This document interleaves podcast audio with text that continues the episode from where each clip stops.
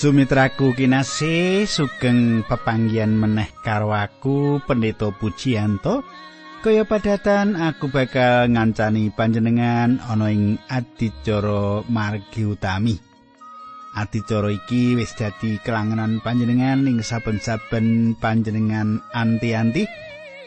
Pangajapku muga panjenengan tansah kinantenan ing Gusti lan tansah kabejan kang panjenengan temu. Nah, katangku monggo panjenengan nyaket karo aku kini supaya apa kang ndaturake panjenengan, panjenengan dadi cetha lan panjenengan ngerti apa kang dadi kersane Gusti tumrap panjenengan. Sugeng midhangetake adicara iki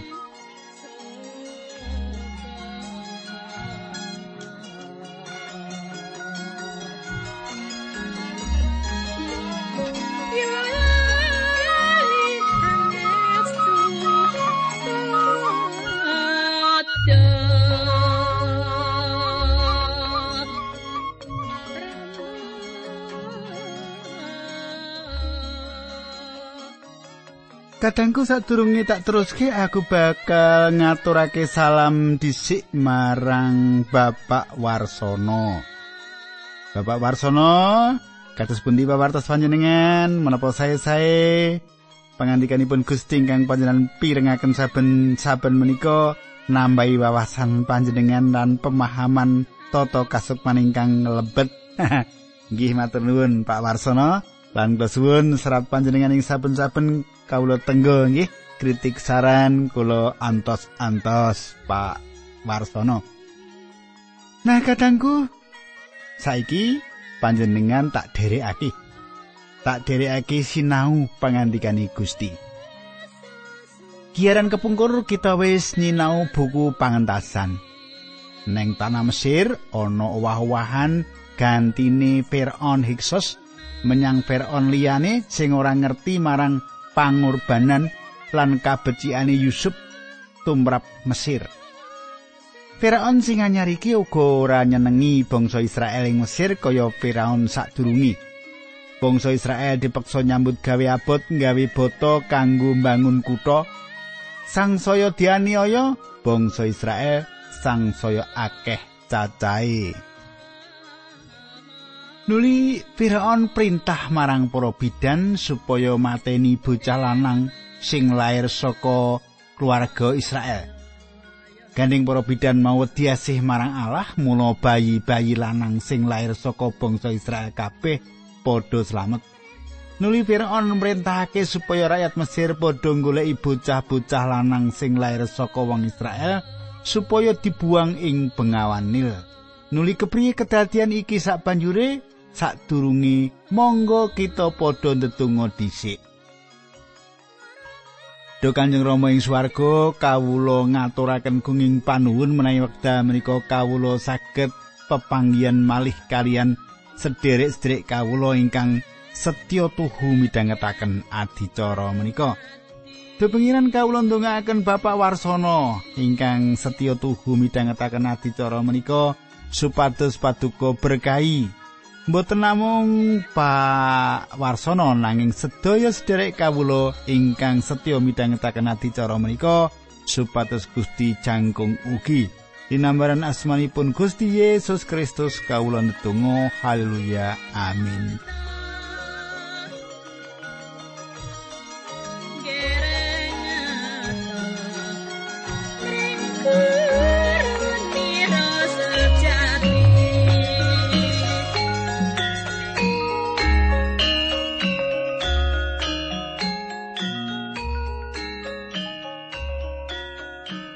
Kadangku ing bab loro utawa ing pasal loro iki bakal ndeleng kelairane Musa.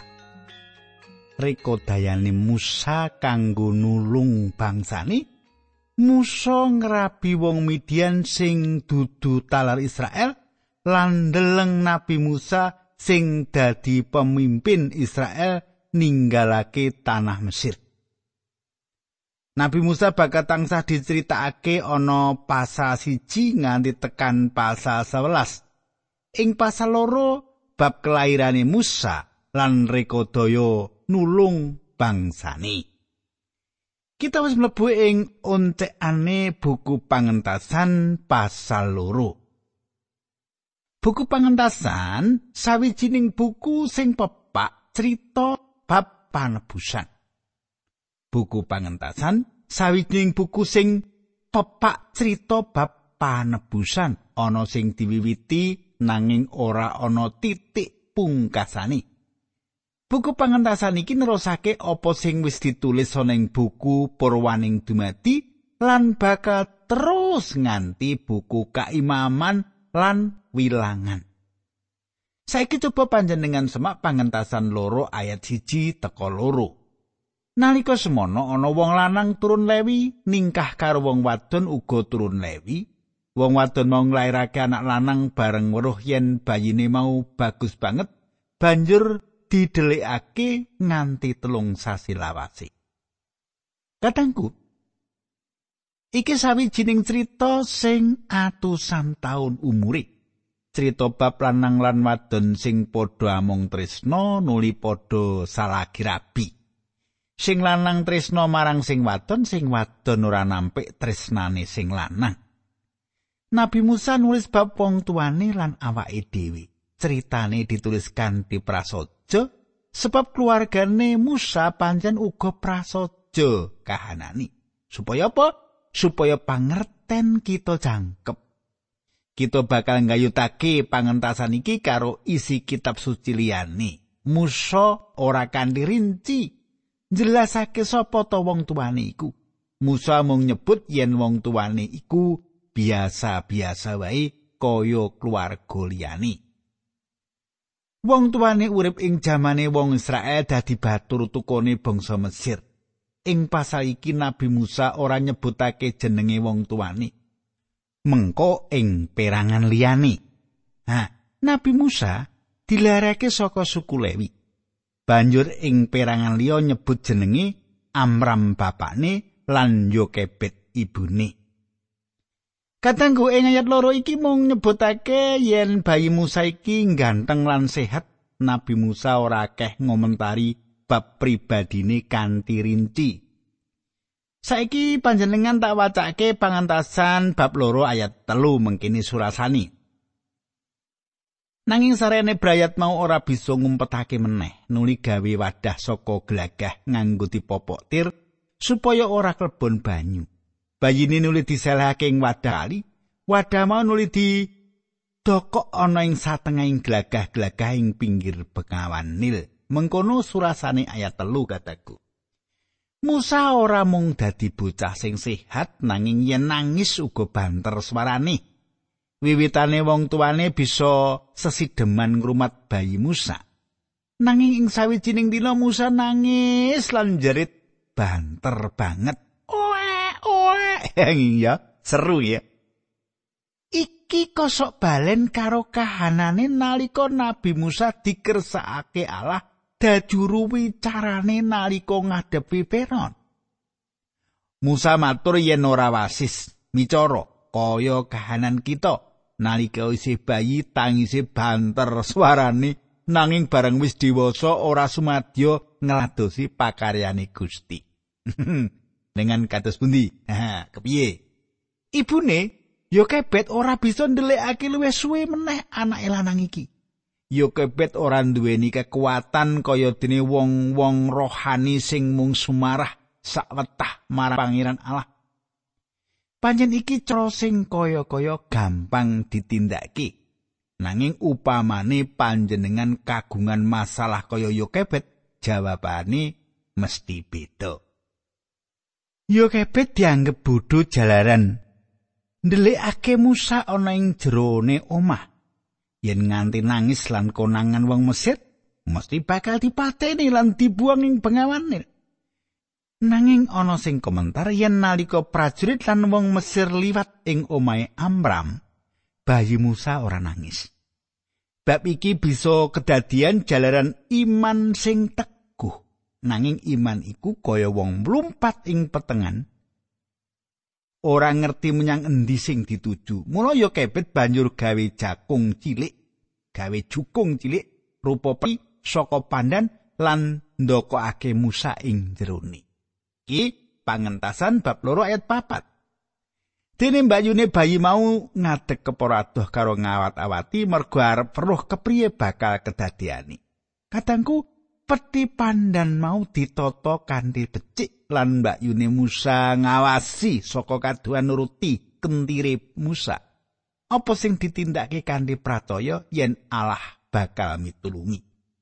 Saiki ayat 5. Ing kono putrane putri sang prengon tindak menyang kali arep siram dene para mbane padha mlaku-mlaku ing pinggir kali kono. Dumadakan putri mau pirsa wadah sing ana ing satengahing glagahan banjur utusan mbane njupuk. Sumitraku. Astane Allah makaryo. Gusti ngersakake mitulungi Musa, abdi sing pinilih iki. Kanthi akal siat Gusti kersa mitulungi manungsa sing butuhake ora sumindi tanpa makarti apa-apa. anake wedok Firaun lagi arep adus sing pinggiri bengawan Nil, mesine panggonane adus putri Firaun iki ndelik ora ana sing bisa ndeleng. Lan ana ing kono peti pandani Musa minggir nuli dijipuk dening embane putri Firaun. Pangentasan loro ayat 6 Bareng perso yen ing jero wadah ana bayine lan bayi mau nangis, putri mau runtuh welase sarta ngendika, iki genah anake wong Ibrani. Nalika iku uga tangise bayi Musa tumengkling gawe kaget lan trenyuhe atine sing krungu. Gusti sing wis nangisake bayi Musa nganti dadi trenyuhe atine putri Firgon. Gusti Allah sing nyipta atine wanita lan tangise bayi. Gito, Gito, putrine Fir'aun nyedhaki bayi sing wis digendong emban. Ayat pitu. Mbak Yune bayi mau banjur matur. Menapa panjenengan kersa kula padosaken tiyang istri Ibrani ingkang saged nesepi bayi menika? Maryam Mbak Yune Musa sing ana ing kono banjur kandha yen dheweke sanggup mitulungi putri Firaun golekake wong wadon Ibrani sing bisa nyusoni bayi cilik mau. Mula ing mengkone Musa ora bakal lali kabecikane Maryam Mbak Yuni. ayat polu pangentasan bab loro. Iyo becik mengkono wangsane putrani putri sang pringon mau. Bocah wadon mau banjur ngundang embokne. Kadangku luar biasa. Astane ala sing wis tumindak ada dasar akal sehat sing ditindakake dening Yokabet lan Miriam. Ibune Musa dijaluk dening putri Firaun kanggo nyusoni Musa anake dhewe kanthi dibayar dening putri Firaun pancen kita manungsa ora bisa nduwa apa kersane Allah ing uripe manungsa kabeh. Pangentasan loro ayat songo nganti 11 mengkene surasani. Sang putri dawuh marang embokne bayi. Bayi iki gawanan kue bakal ndak upahi. Bayi ini banjur digawa sarta disusoni. Bareng bocah wis gedhe nuli diaturake marang sang putri, bocah mau kapundhut dadi putra angkat tan diparingi jeneng Musa. Pangendikani, mergo bocah iki ndak entas saka ing banyu. Bareng wis dewasa, Musa nuli lunga niliki para sedulure, yaiku bangsa Ibrani. Ing kono Musa weruh enggone wong-wong mau dipeksa nyambut gawe abot, malah ya weruh ana wong Mesir mateni wong Ibrani. Kadangku, tembung Musa tegese ditarik metu diangkat lan bayi sing lagi ditemokake mau dijenengake Musa jalaran diangkat saka banyu Manut adat lan budaya Mesir, saben anak mbarep duweni hak lungguh ing kursi kedaton. Saumpama Ramses loro sang Firaun ora duwe anak, Musa duweni hak ganti Ramses loro dadi Firngon. Kadangku patang puluh tahun uripe Musa ing gumebyare kratone Firngon. Dewe digedhekke lan urip ing tata carane kalangan elit Mesir tumindake. Pangucape kabeh persis wong Mesir. Nalika lunga menyang Midian, Musa diarani priagung saka Mesir mengko bisa kita semak ing buku pangentasan iki sak banjuri. Miturut panjenengan ing ngendi Musa digulawentah? Musa digulawentah ing kuil Surya utawa matahari agung sawijining perguruan tinggi universitas sing paling dhuwur ing jaman iku, sing paling onjo ing jaman iku. Dadi ing bab ilmu kasunyatan utawa pengetahuan astronomi lan liya-liyane wong Mesir pancen wis maju. Wis bisa ngitung adoh bumi lan srengenge. Pangitunge ada dasar yen bumi iki wangune bunder ora lempar. Uga ilmu kimia maju nganti duweni akal kanggo mbalsem jasate para Firaun lan panggedhe liyane sing kasebut mumi. Nganti jaman saiki durung ana panemu-panemu sing sebanding karo panemune wong Mesir duk jaman semono. Keterampilane nyampur warna-warna uga hebat. Nganti ana warna sing durung kita temokake formulasine cemerlang, cetha, sumunar lan edi banget. malah warna-warna mau nganti patang ewu tahun durung luntur. Coba. Coba dalam panjenengan saben pirang tahun kudu diambali ngecat meneh. Wong Mesir nalika semono wis duwe perpustakaan sing hebat. Mula kawasisane ing ilmu luhur. Kanggone Musa sing isih nom-noman mung ilmu sing njlentrehake kepriye carane ngladosi marang Allah wae ing durung disinau. Musa katon luwih onjo, luwih pinter, luwih wicaksana ketimbang pemuda liyane ing Mesir. Stefanus jelasake kahanan panguripane wong Mesir ing jaman iku. Coba panjenengan semak para rasul pitu ayat rong puluh nganti ayat 6 likur, pitu likur, wol likur, song likur, tak watak nih. Jadi ayatnya tak wocoke saka ayat rong puluh disik. Inggih kala semanten menika Nabi Musa lahir rupinipun bagus tigang wulan lamin Musa dipun rimati ing griyanipun tiang sepuhipun.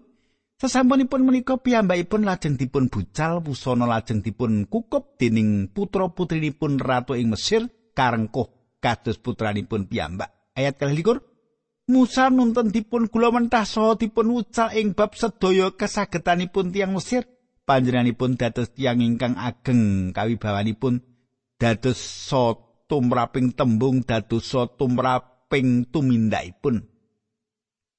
Rolikur, sarang Musa umur kawan dosa tahun kepingin nuweni para kadangipun tiang Israel.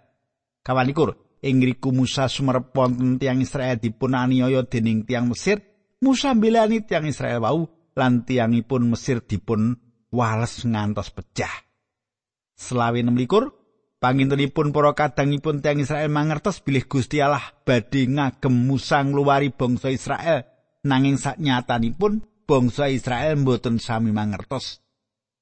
Injingipun Musa dateng malih lan sumerep wonten tiyang Israel kali sami gelut piyambak lan Musa mbudidaya badhe ngrukunaken Musa wicanten padha ngrungokno kowe rak padha sedulur ya kene kowe padha gelut. Ayat 17 18 nanging tiang ingkang nganiaya tiang setunggalipun mabeni Musa kalian Munga. Sinten ingkang ngangkat panjenengan dados jeksa kula sedaya? Menapa panjenengan inggih badhe mejahi kula kados anggen panjenengan mejahi tiang Mesir kala wingi menika? Ayat 29. Sarang mireng tembung mekaten menika Musa lajeng kisah saking tanah Mesir ngungsi dateng tanah Median wonten ing ngriku Musa gadah anak kalih. Kadangku kang ndak tresnani. Pengalamane Musa ing Mesir dadi kekuatan lan kawicaksanan kanggo mboyong bangsa Israel metu saka Mesir. Nuju sawijining dina nalika ngerti ana wong Israel sing dadi batur tukon dianiaya dening wong Mesir, nuli Musa mateni wong Mesir mau. Musa tolah-toleh ngimonengen kanggo nyakinake yen ora ana wong sing ngerti nanging Musa ora ndeleng mendhuwur marang Allah. Samesine Musa ndeleng mendhuwur marang Allah sing ngeparengake apa sing ditindakake. Mula Musa keparingan wektu kanggo nampa meneh panggula wentah ing ora samun ing Midian. Saiki bab loro ayat 15 nganti 16. Bareng sang prengon mireng lelakon mau banjur golek akal supaya bisa mateni Musa. Nanging Musa lolos saka ing kedaton nuli manggon ing tanah Midian. Citra imam ing tanah Median kuno duwe anak wadon pitu. Ing sawijining dina nalika Musa lagi lungguh ing sacedhake sumur, bocah wadon pitu mau padha teka arep nimba kanggo ngombeni wedhuse bapakne. Kadangku Musa wis ngentekake wektu lan urip ing Mesir nganti patang puluh tahun.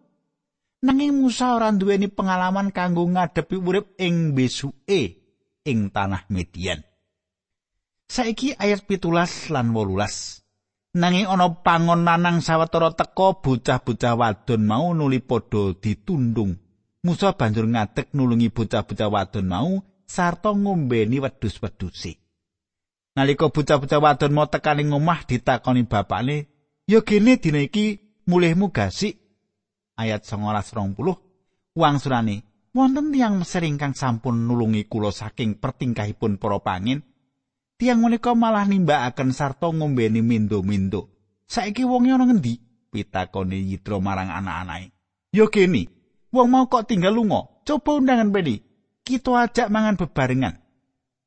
Ayat selikur Musa sak banjuri mondok ing omahe Imam Jitra kono malah banjur dipek mantu diolehake anake sing jeneng Sipora. Katangku Sipora anake Jitra dirabi dening Musa. Akeh priyagung ing jaman perjanjian lawas dadi gambaran gesangipun Sang Kristus senajan ora pepak nggambarake sak wutuhe. Upamane Musa sing nganti merjaya utawa mateni wong Mesir mesti wae iki dudu gambaran bab sugenge Sang Kristus sing kebak katresnan lan pangapura. Iki gambaran sing lalawanan karo sejatine gesange Sang Kristus. Nanging muso dadi gambarane Sang Kristus senggone ngwalake lan ngluarake penandang lan kasangsarane bangsa Israel ing Mesir. Kaya Sang Kristus ngentas manungsa saka paukuman pakartine dosa. Senajan Musa ditolak dening bangsa Israel lan wusanane ninggalake Mesir lan krabi wong Midian sing dudu wong Israel. Wusanane bali meneh menyang Mesir lan ditampa dening wong Israel kanggo pangluwari saka Mesir patang puluh tahun. Manggon ing Midian lan nganti duwe anak lanang loro. Ing wektu patang puluh tahun ing Midian dadi mongso. Dadi wektu nyiapake Musa kanggo dadi juru pangluar lan sing ngwalake bangsa Israel saka panindese wong Mesir. Pancen ana pitakonan bab anggone Musa ngrabi Sipora putri saka Midian. Mesti wae anggone omah marang landesan katresnan karo karone. Nanging ing kitab suci ora tau nritakake bab kebahagiaan sing dialami ing bale somai. Sipora tegese manuk gereja, wong sing dedeke cendhek cilik katangku. Semene dhisik aturku, muga panjenengan kaberkahan. Monggo tetep midhangetake adicara sebanjure sadurunge pepisahan monggo kita ndedonga. Kanjeng Rama ing swarga kawula ngaturaken gunging panuwun menawi wekdal menika kawula saged sinau babagan lelampahanipun Nabi Musa. Kawula pasrahaken wonten ing asta paduka supados kawula saged ngangsu kawruh bab tata kasukman kangge kegiatan batin manah kawula ngadepi cobaning gesanging jagat menika. Linambaran asmanipun Gusti Yesus Kristus kawula donga haleluya amin.